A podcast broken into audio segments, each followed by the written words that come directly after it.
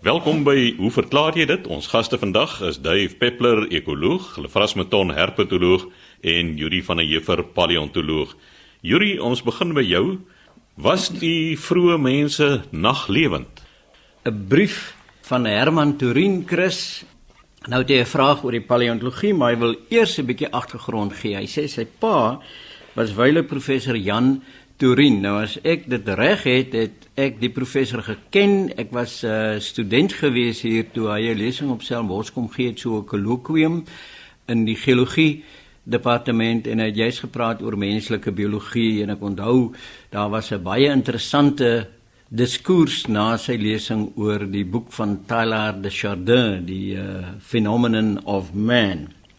Hy sê dat hy het nou nie in dieselfde rigting gegaan nie maar hy sê sy pa se eerste doktorsgraad was in paleontologie en hy het die voorreg gehad om by die Bernard Price Instituut saam met eh, Raymond Dart en Philip Tobias te werk. Hy self het in 'n ander rigting gegaan alhoewel hy in argeologie 'n groot belangstelling het want dit was weer 'n vakgebied wat sy ma baie van gehou het maar op die oomblik sê hy doen hy wetenskaplike verslaggewing.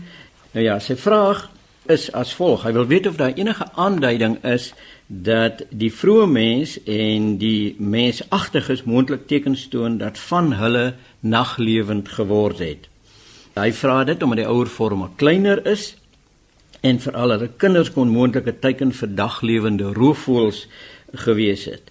En dan praat hy verder van rotstekeninge in die Pyrenee gebergtes en gravures wat baie diep in grotte aangetref is en dan nou die onlangse fonds van Naledi wat ook in grotte gewees het. Nou ek vermoed wat jy hierna verwys met die roofvoëls is die uh, kwessie van die Tahung kind, die een wat daar in 1925 beskryf het wat by Tahung gekry is in 'n kalkmyn en die paleontoloog, die paleoantropoloog liewer wat by Wits op die oomblik is, Lee Burger, het 'n artikel geskryf juis nadat hulle die Tahunkind se skedel bestudeer het nou baie jare nadat dit gevind is en gesien dat daar klein gaatjies in die skedel is en hulle het toe van uitgestorwe roofvoëls se pote geneem en dit pas presies in die gaatjie. So hy het 'n artikel geskryf waarin hulle met goeie rede aanvoer dat hierdie klein Tahunkind deur 'n roofvoël aan die kop gegryp is met sy kloue wat deur die skedel gegaan het en op die manier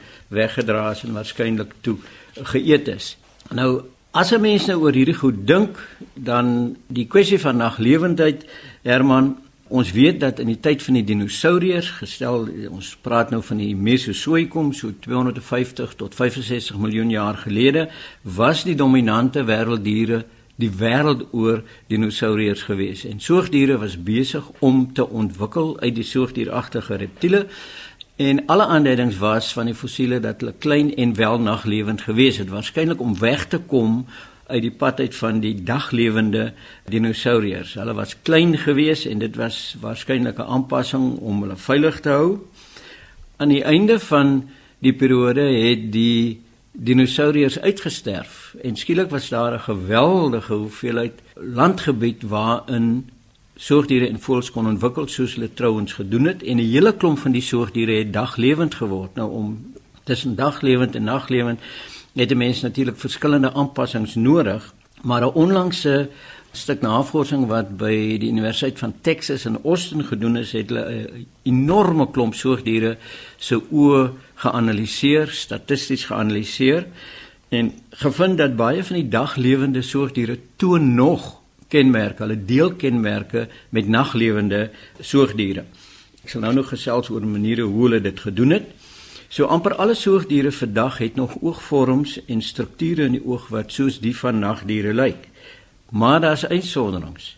Mense en mensape is die enigste uitsonderings wat nie die strukture toon wat naglewende aanpassings ondersteun nie. Ons oë en trouens mensape en mensagtige se oë is aangepas vir dagvisie, sterk lig en dan kleurvisie. Want ons maak gebruik van ons oë vir omtrent alles. Nou van die grootte van die kornea en die lengte van die oog het hierdie navors bepaal en gewerk met die vermoë van die oog om lig in te laat en om skerp beelde te vorm. Nou saam hiermee as ons dan dink aan mense en menseagtige diere, mensape, moet ons erken dat ons eintlik 'n swak reuksin het. Ons reuksin is nie goed ontwikkel nie. Een stof wat ons baie goed kan waarneem is merkaptaan. Ek dink miljoenste dele van merkaptaan kan ons ruik en dis die reukstof wat my sonde afskei en dit kan ons wel in baie baie klein verdunnings waarneem, maar andersins is ons reuksin nie goed ontwikkel nie. Julie, dit het dan seker te doen met die lengte van die snoet, die primate en maar die mensagtig is, die was dit was nog maar redelike stomp gesig, so daar is nie plek vir daardie turbinate turbinalia. Ja, turbinale, dis reg wat ja. wat eintlik die sensoriese epiteel bevat. Dit is hoekom die reuksins so swak is. Ja, jy is heeltemal reg dat eh uh, turbinalia is natuurlik 'n kenmerk van soogdiere want dit het ook bloedvoorsiening wat dan te doen het met temperatuurregulering en en al die soort van goed. So een van die interessante goed is as jy net soogdiereagtige reptiele kyk, afgesien van al die ander kenmerke, dan is dit 'n goeie idee om te begin kyk waar het turbinalia ontwikkel. Die begin van die aanleg van turbinalia want dit is 'n uitsonderlike soogdierkenmerk. So met die plat gesig is jy heeltemal reg, die ontwikkeling van die brein, die uh, verkleining van die gebit sodat die kaak korter word en dan word die gesig plat. So ons het inderdaad nie die sensoriese apparaat om daai geweldige fyn reuksin te ondersteun nie. Die ander ding is natuurlik ook dat ons geen verdedigingsmeganismes het nie. Ons het plat naels, ons het nie meer skerp naels wat gebruik kan word nie. Daar's nogal 'n interessante storieetjie hoe waar dit is, weet ek nie. Een van die Griekse intellektuele ouens, ek weet nie wie dit was nie wat uh, vir sy groep studente probeer die mens tipeer het en toe uh, baie aanspraak gemaak het op die feit dat ons op twee bene loop. En een van die studente het toe hand opgesê gesê nou maar wat van hoenders want hulle loop ook op twee bene en toe die lektor nou sy klassifikasie aangepas deur te sê ons het plat naels wat hoenders nie het nie. So dis 'n onderskeidende kenmerk saam met tweebenigheid. So ons naels kan ons nie vir verdediging gebruik nie. Soos jy nou genoem het oor die reeksin en die verkorting van die onderkaak, het ons nie meer slagtande nie, ons het nou oogtande of hoektande wat maar net soos die ander tande lyk. Ons sien dit in sjimpansees vandag dat hulle snags in bome slaap en van die navorsing wat gedoen is oor die Australopithecus fossiele, veral Australopithecus afarensis, baie vroeë Australopithecus toon dat die spieraanhegtings aan die bekken wys dat die boutspiere, die gluteus maximus en die goed was ontwikkel net soos die van sjimpansees en ons het nog reste daarvan vandag oor wat daarop aandui dat selfs hulle goeie boomklimmers was. Hulle was arboreaal, maar hulle was ook tweebenig. So die afleiding is snags het hulle in die bome geslaap want hulle het nie verdedigingsmeganismes gehad nie en hulle het eintlik nie nagsig gehad nie. En die feit dat ons geneig het om in groepe, sosiale groepe uh, saam te bondel vir beskerming natuurlik ook. So dit is 'n argument teen die feit dat ons nagsig of naglewend gewees het op 'n sekere stadium. Nou jy noem natuurlik nou die grotkunstenaars wat diep binne in die donker grotte skilderye en kunswerke gaan doen het. Hulle het dit nie in die donker gedoen nie want saam met hierdie grotte en ek dink dit is in Frankryk veral gekry, hulle het lampies gemaak. Hulle het hol kommetjies of hol stukkies hout gehad waarin vet, dierevet gegooi is en dit brand gesteek. So hulle het saam met die lig van olielampies het hulle geskilder en die lampies is gekry. So daar is 'n bewys dat hulle wel van lig gebruik gemaak het. Want as ons kyk na ons eie oë, is dit so aan mekaar gesit dat ons stafies het wat vir swart of nagvisie gebruik kan word, maar die is op die rand van die retina geposisioneer terwyl die middelste gedeelte, die belangrikste gedeelte sit daar struktuurtjies wat keeltjies genoem word en die is aangepas vir skerp lig en vir kleurvisie. En 'n mens kan dit proefondervindelik vasstel as jy nou in die aand uitloop en jy het nou vir Woef geneem om sy besigheid daar te gaan doen in die tuin en as Woef nou 'n donker hond is of 'n swart hond is, is dit baie moeilik om die hond te sien. Jy kan nie met jou primêre kleurvisie daai hond in die donker sien nie, maar as jy hom hoor ritsel daar in die bosse en jy kyk net effens verby hom dan kan jy hom vaag weg raak sien want dan val die inkomende lig op jou swart en wit stafies. En dan kan 'n mens 'n dowwe vorm uitmaak om te sien dat woef nog daar is en nie straat af is nie. So ons is primêr aangepas om 'n helder sonlig te sien en om kleure te sien, want dit is waarop ons aangewese is. So Herman, as ons al hierdie goed nou bymekaar sit, dan uh, dink ek moet ons vir die gevolg terugkom dat ons nie 'n periode gehad het in die evolusie van die mens waar ons aangepas was vir nagvisie nie. So sê Yuri van der Heever, ons paleontoloog, Dave Peppler, ekoloog, volgende aan die woord. Dave, jy het terugvoer ontvang oor voëlsang waaroor jy van tevore gepraat het en dan het jy ook 'n vraag ontvang oor die weerkaatsing van diere se oë in die nag. Christen, my kollegas en luisteraars, ek wil graag dan voor ek jou vrae beantwoord begin wat die Engelse noem met humble pie. Ek wonder of ons 'n Afrikaanse uitdrukking het, nederige pastytjie. En dit gaan oor 'n uitlating wat ek gemaak het in 'n vorige program oor die frekwensispan van vlermuise. Nou ek vra ook om verskoning dat ek dit miskien sleg verwoord het, want ek het 'n brief ontvang hier van Jeff Rich. En dan sê hy Dave P nogal het van voel se hoë frekwensies fluite gepraat en die feit dat dit tot 65000 Hz kan fluit amper in die FM radio band verkeerd uitroepteken. Die FM band strek van 88 tot 108 MHz, so 'n 1000 mal hoër frekwensie as die voel. Dankie vir 'n interessante program, Jeff Rich Parklands. Ek het inderdaad 'n fout gemaak in my nalees vir die vraag het ek natuurlik uiteraard vasgehaak op die frekwensie modulasie, frequency modulation en hier kom die ware verduideliking dan. Vlermuis aftasting van voorwerpe deur egoplasing geskied deur twee soorte frekwensies. Die een is 'n frekwensie gemoduleerde sein. Met ander woorde, een wat reg deur al die frekwensies draai opwaarts of afwaarts of dan 'n konstante frekwensie toon. Met ander woorde, soos iemand wat mm, sal sê teenoor mm, sal frekwensie modulering wees en die konstante een is dan net 'n konstante frekwensie toon. Roepe van vleermuise kan uit beide bestaan, maar As jy dan die frekwensie gemoduleerde roep gebruik, het jy 'n baie groter kans vir akkurate aftasting, want dan kan kleiner voorwerpe teen die hoër frekwensie wel raak gehoor word en nie raak gesien word nie. So ek vra om verskoning. Dit was 'n verwarring. Dit het gegaan oor die aard van die sein en nie die frekwensie nie. Ek het ook gaan kyk na die frekwensie waarnemingsvermoë van verskillende groepe. Ons weet die mense is 20 tot 20000 Hz as jy baie gesond is. Katte 100 tot 32000 honde van 40 tot 46000 Hz is baie hoog. Mens weet maar hoe fyn 'n hond kan hoor. Maar dan die vleermuise is nou bekend dat hulle tot 200000 Hz kan hoor. En dit is onsaglik hoog. Ook met knaagdiere tot 100000 en walvisse 70 so laag as 70 Hz tot 150 1000 Hz veral by die dolfyne. Ek vra om verskoning Jeff en ek hoop die saak is nou uitgeklaar. Dan 'n volgende brief het ek ontvang van Anna Besuitnout. Nou sê sy in 'n aanduiding van laasweek se program oor hoekom voel sing het sy die volgende vraag: Buite my kamervenster in die buurman se tuin is 'n resagtige boom. Elke middag kom 'n sweterjoenvoels vergadering hou in die boom. Wat my nou interesseer dat almal saam sing en dan plotseling hou hulle op en dan begin hulle net weer so vinnig. Dis elke dag se storie. Is daar iets wat gebeur? Nou, voelgesang is op sy beste uiteraard nie in die middel van die dag nie, maar gewoonlik met dagbreek en ons het al baie gepraat oor hoekom voels dan sing.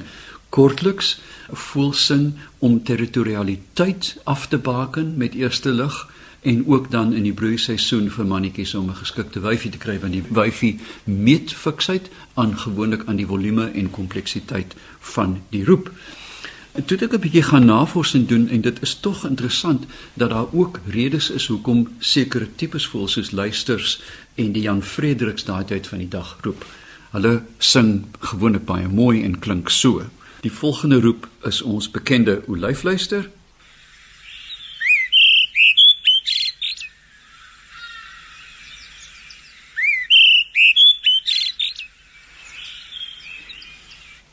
en dan die lieflike roep van die Jan Frederik.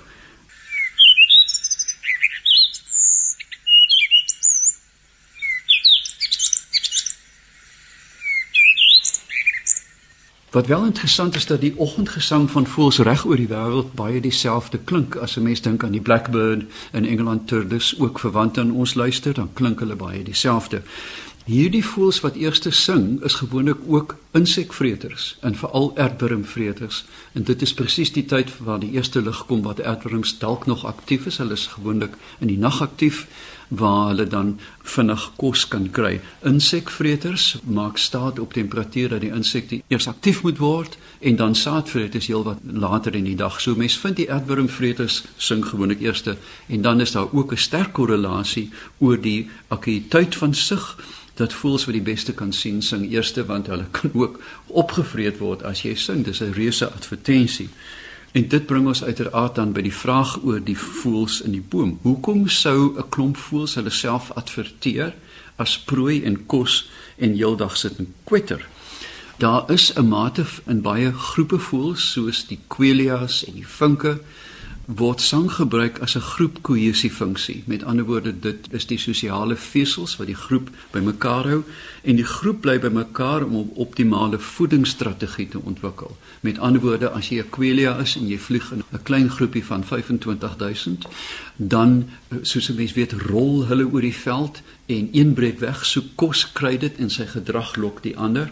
En uiteraard is daar ook 'n oorlewingsfunksie dat indien jy in groepe beweeg, is die kans beter dat iemand jou buurman sal opeet en nie vir jou nie.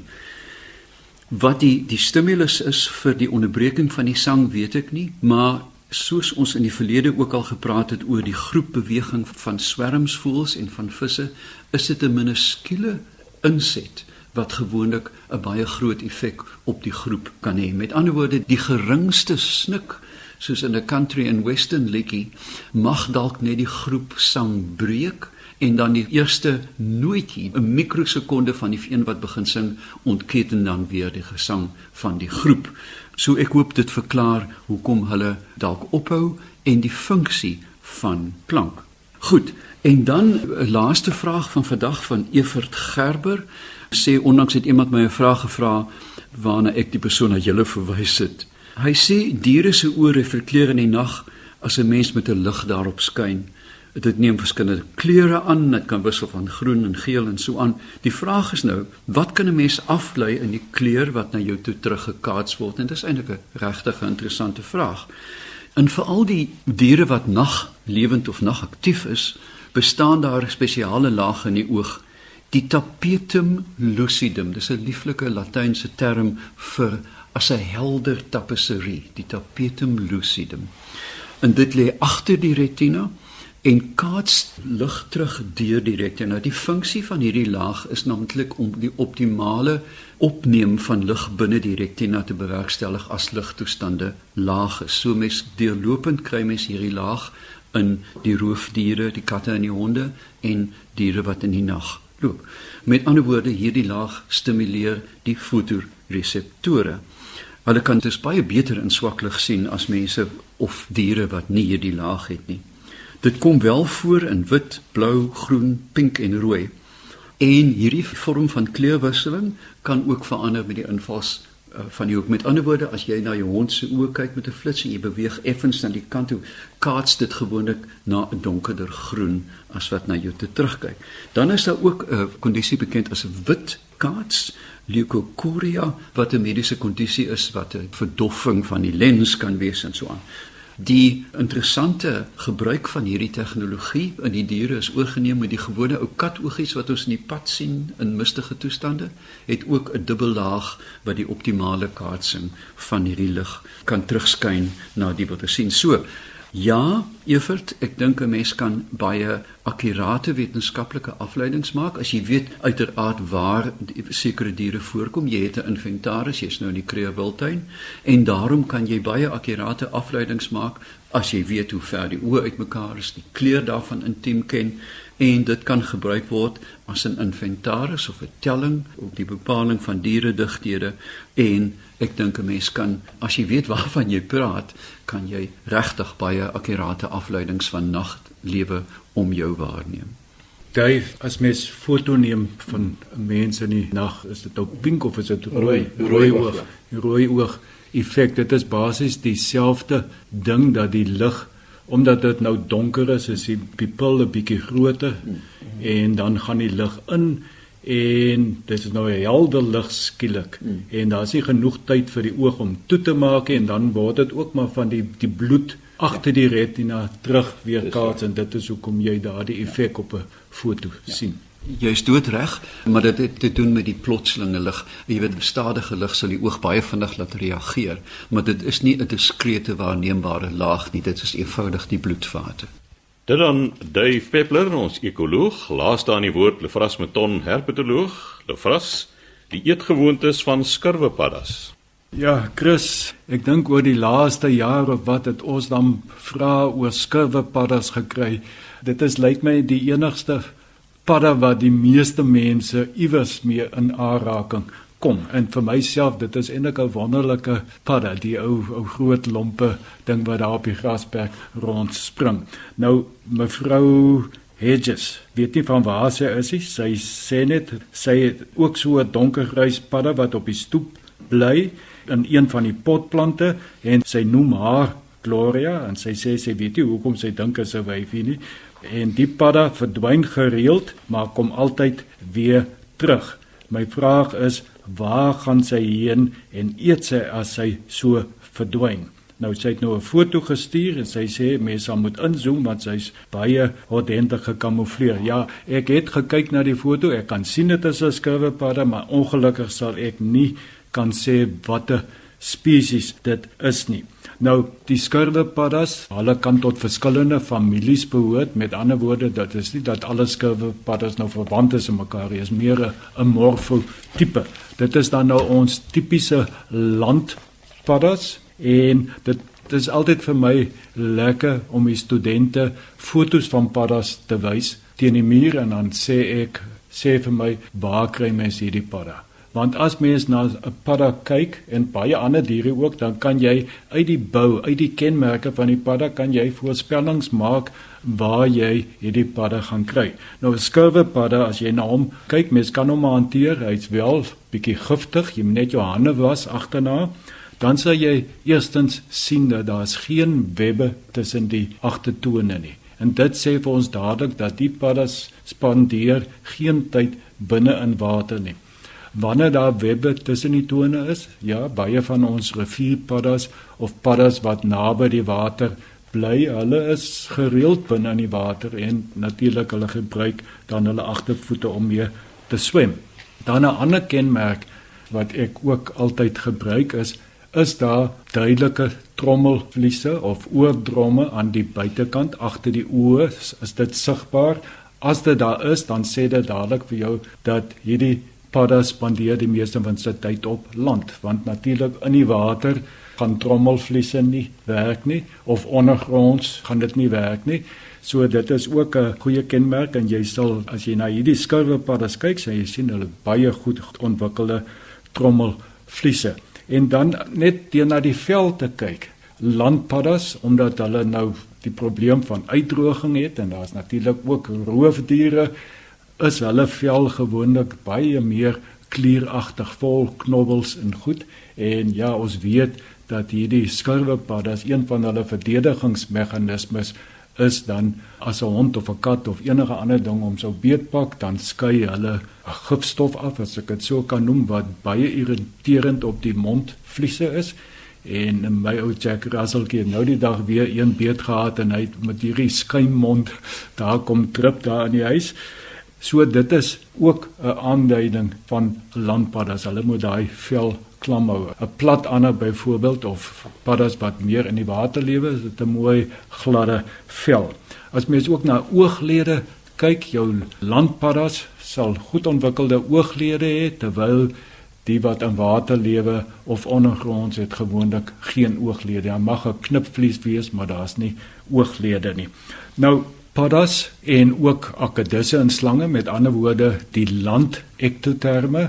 Ons kry eintlik twee basiese kategorieë van hoe hulle eet. Ons het ons sit en wag voeders hulle sit maar op een plek en dan wag hulle vir kos om na hulle toe te kom en dan sal hulle dit vang net daar naby die skuilplek. En dan het ons weer die aktiewe soekers. Dit is dan nou diere wat Hulle loop rond en hulle het gewoonlik goeie reukvermoë en hulle sniffel kos uit. Nou by paddas is dit ook baie duidelik uh hierdie twee kategorieë wat ons kry. Die skurwepaddas is nou die aktiewe soekers. As hulle so weggaan, as Gloria daar nou uit die potplant uitklim en weg is, dan is sy besig om kos te soek. Sy spring nie rond nie. Aktiewe soekers, hulle het sulke klein kort sprongetjies, so sê maar hulle hop so want natuurlik hierdie paddas wat so spring, hulle spring hier dan land hulle meter ver en dan is hulle skoon verby die kos.